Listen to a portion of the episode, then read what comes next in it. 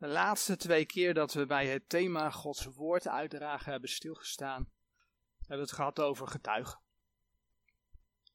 Dat de Heer ons oproept om van Hem te getuigen op basis van Zijn woord. De Heer heeft Zijn getuigenis in de schrift aan ons gegeven. En als wederom geborene mag je dat in je dragen, zegt Hij. En dus ook verder dragen. We hebben gezien dat het van belang is om te getuigen van het lijden, het sterven en de opstanding van de Heer Jezus. Want dat is namelijk wat mensen het eeuwige leven geeft. Romeinen 10 gezien, als je dat gelooft met je hart en beleidt met je mond, zegt de Heer, dan ben je behouden. Dus dat moet verkondigd worden. En die boodschap geldt voor alle mensen. De Heer sluit niemand uit. Een trouwe dienst, trouwe dienst wordt door de Heer in de eeuwigheid beloond met de kroon des roems getuigen en of straatpreken. ondanks dat je er in de eeuwigheid een beloning voor krijgt, dat doe je niet voor jezelf en zeker niet uit jezelf. Het heeft geen zin om daar in, in eigen kracht te gaan staan. De fariseeën wilden bijvoorbeeld graag door mensen gezien worden. Maar dat is dus niet de bedoeling. De Heer die vraagt juist ootmoedigheid. Oftewel nederigheid. En de vraag is dan ook of je beschikbaar bent beschikbaar bent, zodat de Heer jou kan gebruiken. Nou, aangezien er sprake is van een geestelijke strijd, van binnenuit, van buitenaf, heb je Gods leiding, heb je Gods kracht nodig. En daarom mag je voor een geopende deur bidden. Enerzijds om te kunnen getuigen, anderzijds dat de Heer jou mensen op je pad brengt. Vanmorgen willen we beginnen met het lezen van 1 Petrus 3 vers 15. 1 Petrus 3 vers 15. In 1 Petrus 3 vers 15 lezen we, maar heiligt God de Heer in uw harten en zijt altijd bereid tot verantwoording aan een iegelijk die u rekenschap afeist van de hoop die in u is, met zachtmoedigheid en vrezen. Maar heiligt God de Heer in uw harten en zijt altijd bereid tot verantwoording aan een iegelijk die u rekenschap eist afeist van de hoop die in u is met zachtmoedigheid en vrezen. De Heer vraagt dus dat we altijd bereid zijn om verantwoording af te leggen van ons geloof. We zijn dat ook tegengekomen toen we stilstonden bij de wapenrusting Gods. Efeze 6, vers 10 tot en met 20 lezen we dat het de bedoeling is dat je als gelovige de hele wapenrusting aandoet om staande te blijven tegen de listige omleidingen van de duivel. Nou, een onderdeel van die wapenrusting, die je dus aanhoort te hebben, is het schoeisel. En als we dan Efeze 6 vers 15 lezen, Efeze 6 vers 15, dan lees je daar dat de Heer zegt, en de voeten geschoeid hebbende met bereidheid van het evangelie des vredes. Enerzijds kun je dus de vraag stellen, ben je bereid om zo te wandelen dat je anderen met het evangelie kunt bereiken. vaak heeft het met een of andere vorm van schaamte te maken dat mensen het evangelie niet uitdelen. En dat kan ook door situaties komen. Situaties in het leven, verdrukking bijvoorbeeld. Paulus die riep Timotheus op om zich het evangelie niet te schamen in 2 Timotheus 1 vers 8. Dus als je er soms moeite mee hebt, troost je dat ook de mannen in de Bijbel vermaand werden om zich het evangelie niet te schamen. 2 Timotheus 1 vers 8. Schaam u dan niet voor de getuigenis onze Heren, noch voor mij die zijn gevangene ben, maar leid verdrukkingen met het evangelie naar de kracht Gods. Dus ook als het problemen geeft dat je de Heer volgt, schaam je het evangelie niet. Dat schrijft Paulus, geleid door Gods geest. En heb je al, zoals we de vorige keer zagen, tegen de Heer gezegd: Heer, zie, hier ben ik. Gewoon om beschikbaar te zijn. Paulus bracht het zelf in de praktijk. Paulus was gevangen genomen door de Romeinen. Maar zie je wat hij zegt in, in dat vers wat we net gelezen hebben? 2 Timotheus 1 vers 8. Schaam u dan niet voor de getuigenis onze Heren, nog voor mij, die zijn gevangene ben. Paulus was door de Romeinen gevangen genomen, maar Paulus zegt, die zijn gevangene ben. En zijn slaat op de Here. Paulus ziet in dat de Heer het heeft toegelaten. En dus is hij de gevangene van de Heer. De Heer zal er zijn doel mee hebben. Nou, als je naar de context van de tekst te lezen waar we mee begonnen zijn, 1 Petrus 3 vers 15, dan zie je ook die, dat, dat die tekst staat in de context van het lijden. Kijk maar in, in vers 14. Lijden om der gerechtigheid wil. 1 Petrus 3 vers 14. Nou, in Handelingen 16 vinden we daar een voorbeeld van en dat zoeken we op. Handelingen 16. In Handelingen 16, vers 16 tot en met 18 lees je dat Paulus een dienstmaagd met een waarzeggende geest genas. Maar het gevolg daarvan was dat die waarzeggende geest wegging. Dat haar heren geen inkomen meer hadden. Dat lees je in vers 19 van eh, Handelingen 16. En het gevolg daarvan was weer Handelingen 16, vers 22, dat Paulus en Silas notabene gegezeld werden. Ze werden gegezeld en, vers 23, ze kwamen in de gevangenis. En wat zie je dan? Wat doen ze? Oh, dat ons dat toch moet overkomen. Wat moeilijk. Ik weet het niet hoor. Nee, wat je ziet is dat ze in gebed gaan. En dat ze God lof zingen. Kijk maar in vers 25 en laten we dat vers lezen. En omtrent de middernacht baden Paulus en Silas en zongen gode lofzangen. En de gevangenen hoorden naar hen. Dat is best moeilijk. Als je het moeilijk hebt, je gedachten zo op de Heer te richten, dat je Hem kunt bidden en dat je Hem zelfs lof kunt zingen. Paulus en Silas brachten het in de praktijk. En wat ze van tevoren niet wisten, is wat, wat je dan in dat schriftgedeelte leest, is ze, ze werden bevrijd. Natuurlijk niet een garantie hè, dat als je de Heer bidt en lof zingt, dat het dan vervolgens ook gaat zoals jij denkt dat het moet gaan. Daar hebben we wel eens over gesproken. Maar zij worden bevrijd, wisten ze niet van tevoren. Toch zongen ze, toch baden ze. En lopen ze dan weg uit de gevangenis? Nee, ze bleven in de gevangenis. Ze bleven op de plek waar ze gebracht waren. En toen die stokbewaarder, hè, die gevangenisbewaarder, ze vond, was hij dusdanig onder de indruk dat ze daar gebleven waren. Dat hij meer wilde weten van die hoop die Paulus en Silas hadden. En Paulus en Silas waren bereid om hem te antwoorden. Laten we lezen vanaf vers 29 in Handelingen 16.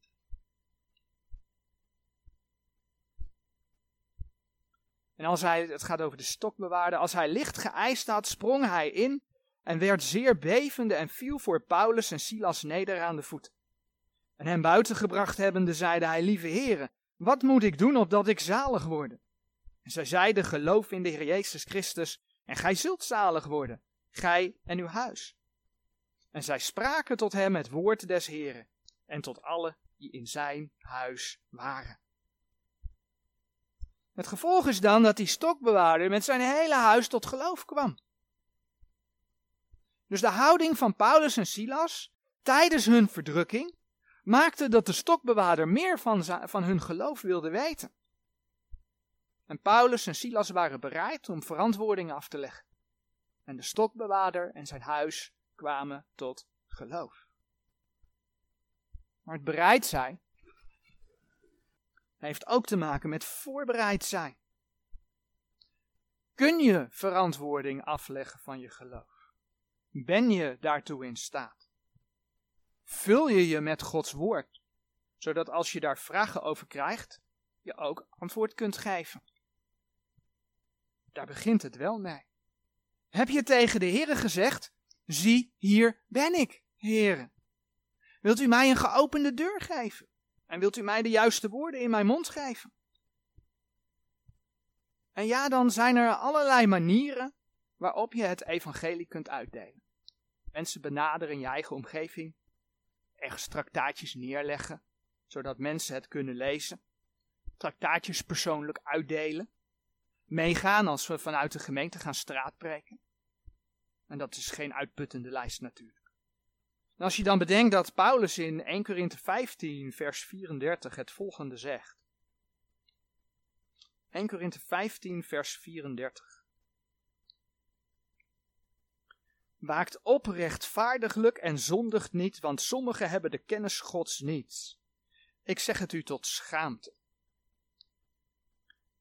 dan besef je dat de Heer het ook van je verwacht. Je wordt opgeroepen om tot Gods eer te leven, zodat je ook een reden hebt om te getuigen.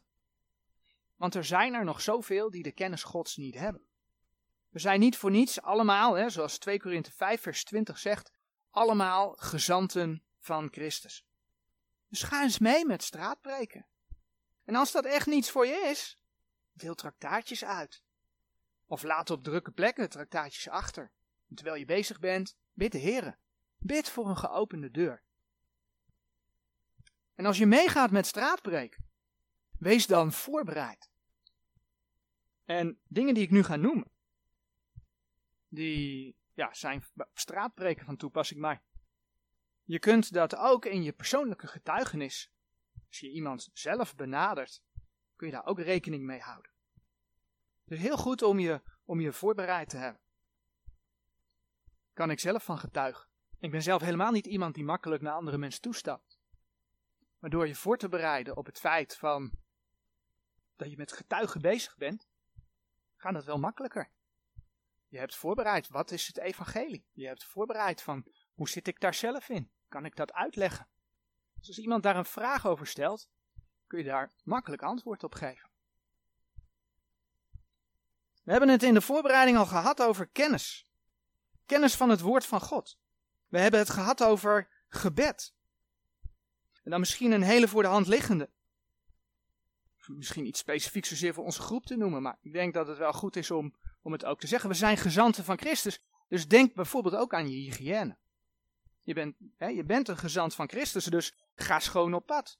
Schoon lichaam, schone adem, schone kleren. Laat mensen niet door onhygiënische dingen afschrikken. Moet je dan strak in pak? Nee, dat hoeft niet. Ik denk als je naar de gemiddelde mens kijkt, dat strak in pak, dat dat ook iets geeft van afstand. Dat is helemaal niet nodig. Doe maar gewoon. Strak in pak is niet nodig. Wel netjes. Verder is het goed om er van tevoren over nagedacht te hebben. Dat niet iedereen de boodschap met open armen zal ontvangen. In Handelingen 17, vers 32 tot en met 34 zie je daar een voorbeeld van. Paulus heeft daar het een en ander verteld en dan staat er in vers 32: Als zij nu van de opstanding der doden hoorden, spotten sommigen daarmee. En sommigen zeiden: Wij zullen u wederom hiervan horen. En alzo is Paulus uit het midden van hen weggegaan, doch sommige mannen hingen hem aan en geloofden. Onder welke was ook Dionysius de Areopagiet en een vrouw met name Damaris en andere met dezelfde.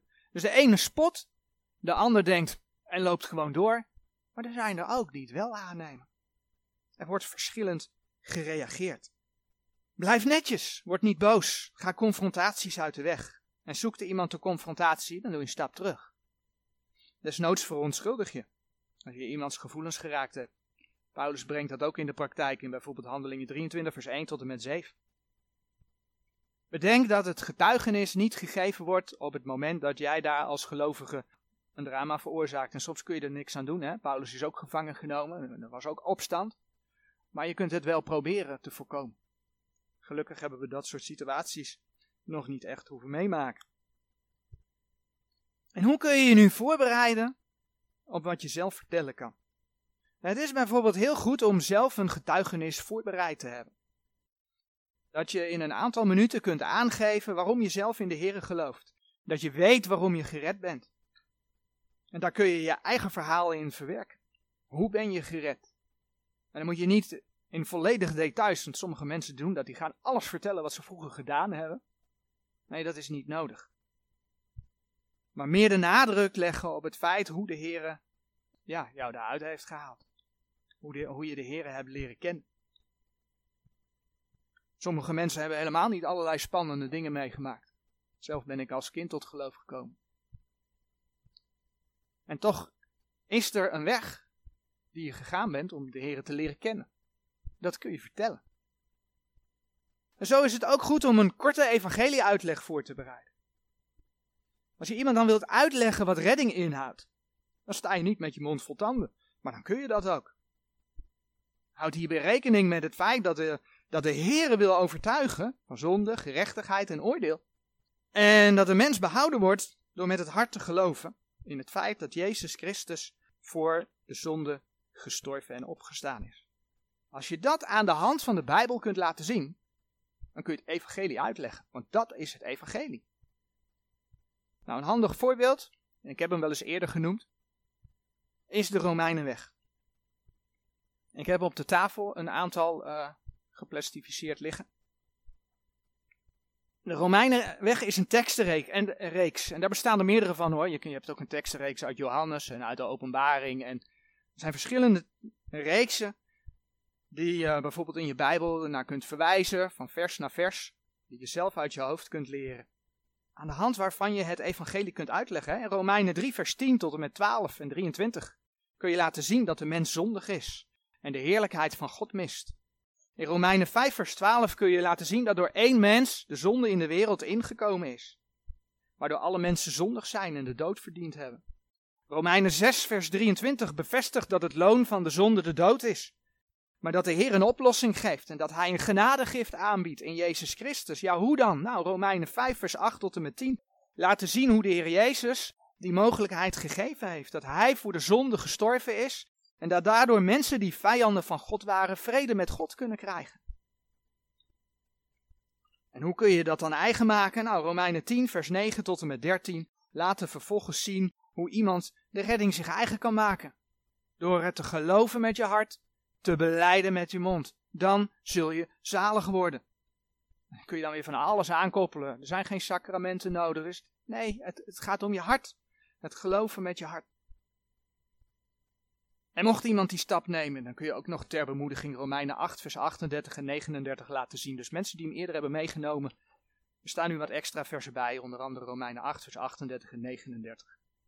Die laten zien dat er eeuwige zekerheid is, want er is niets wat je kan scheiden van de liefde Gods in Christus Jezus. Die teksten kun je uit je hoofd leren. Of weet in elk geval waar je ze in Gods woord kunt vinden zodat als je met iemand in gesprek bent, dat je weet van nou, daar staat het. Dat je het kunt laten zien, dat je het eventueel iemand kan laten lezen. Als ze dat willen. Zo kan één zin aanleiding zijn voor een geopende deur. Waar je voor bidt. En dan bladeren we naar handelingen 8.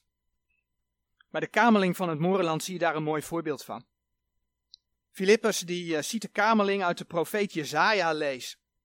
En in Handelingen 8, vers 30 lezen we dan dat Filippus die kamerling één vraag stelt. Eén vraag. En Filippus liep toe en hoorde hem de profeet Jezaja lezen en zeide, verstaat gij ook hetgeen gij leest? En die ene vraag is aanleiding waardoor Filippus de kamerling het evangelie mag uitleggen. Want als iemand zegt ja, dan luistert hij ook. En dat doet dus Filippus ook aan de hand van Jezaja. Dus als je ziet dat iemand een traktaatje niet alleen aanpakt, maar ook aandachtig bekijkt, dan kun je de vraag stellen: Begrijpt u ook waar dit over gaat? Als iemand nee zegt, kun je het uitleggen. De kans is groot dat hij dan luistert, omdat hij antwoord op jouw vraag heeft gegeven. Hetzelfde als je ziet dat iemand langere tijd naar de preek staat te luisteren. Kun je bij zo'n persoon vragen. En vragen of die volgt wat er gezegd wordt. Reageert iemand negatief, dan kun je zeggen, mag ik u uitleggen waarom ik daar wel in geloof?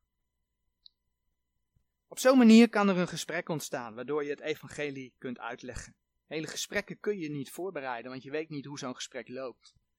Maar zulke standaard openingszingen kunnen je van tevoren, eh, kun je wel van tevoren bedenken. En zo mag je voorbereid op pad. Om verantwoording van je geloof af te leggen. Of dat nu persoonlijk is, of dat je meegaat met straatpreek. Amen.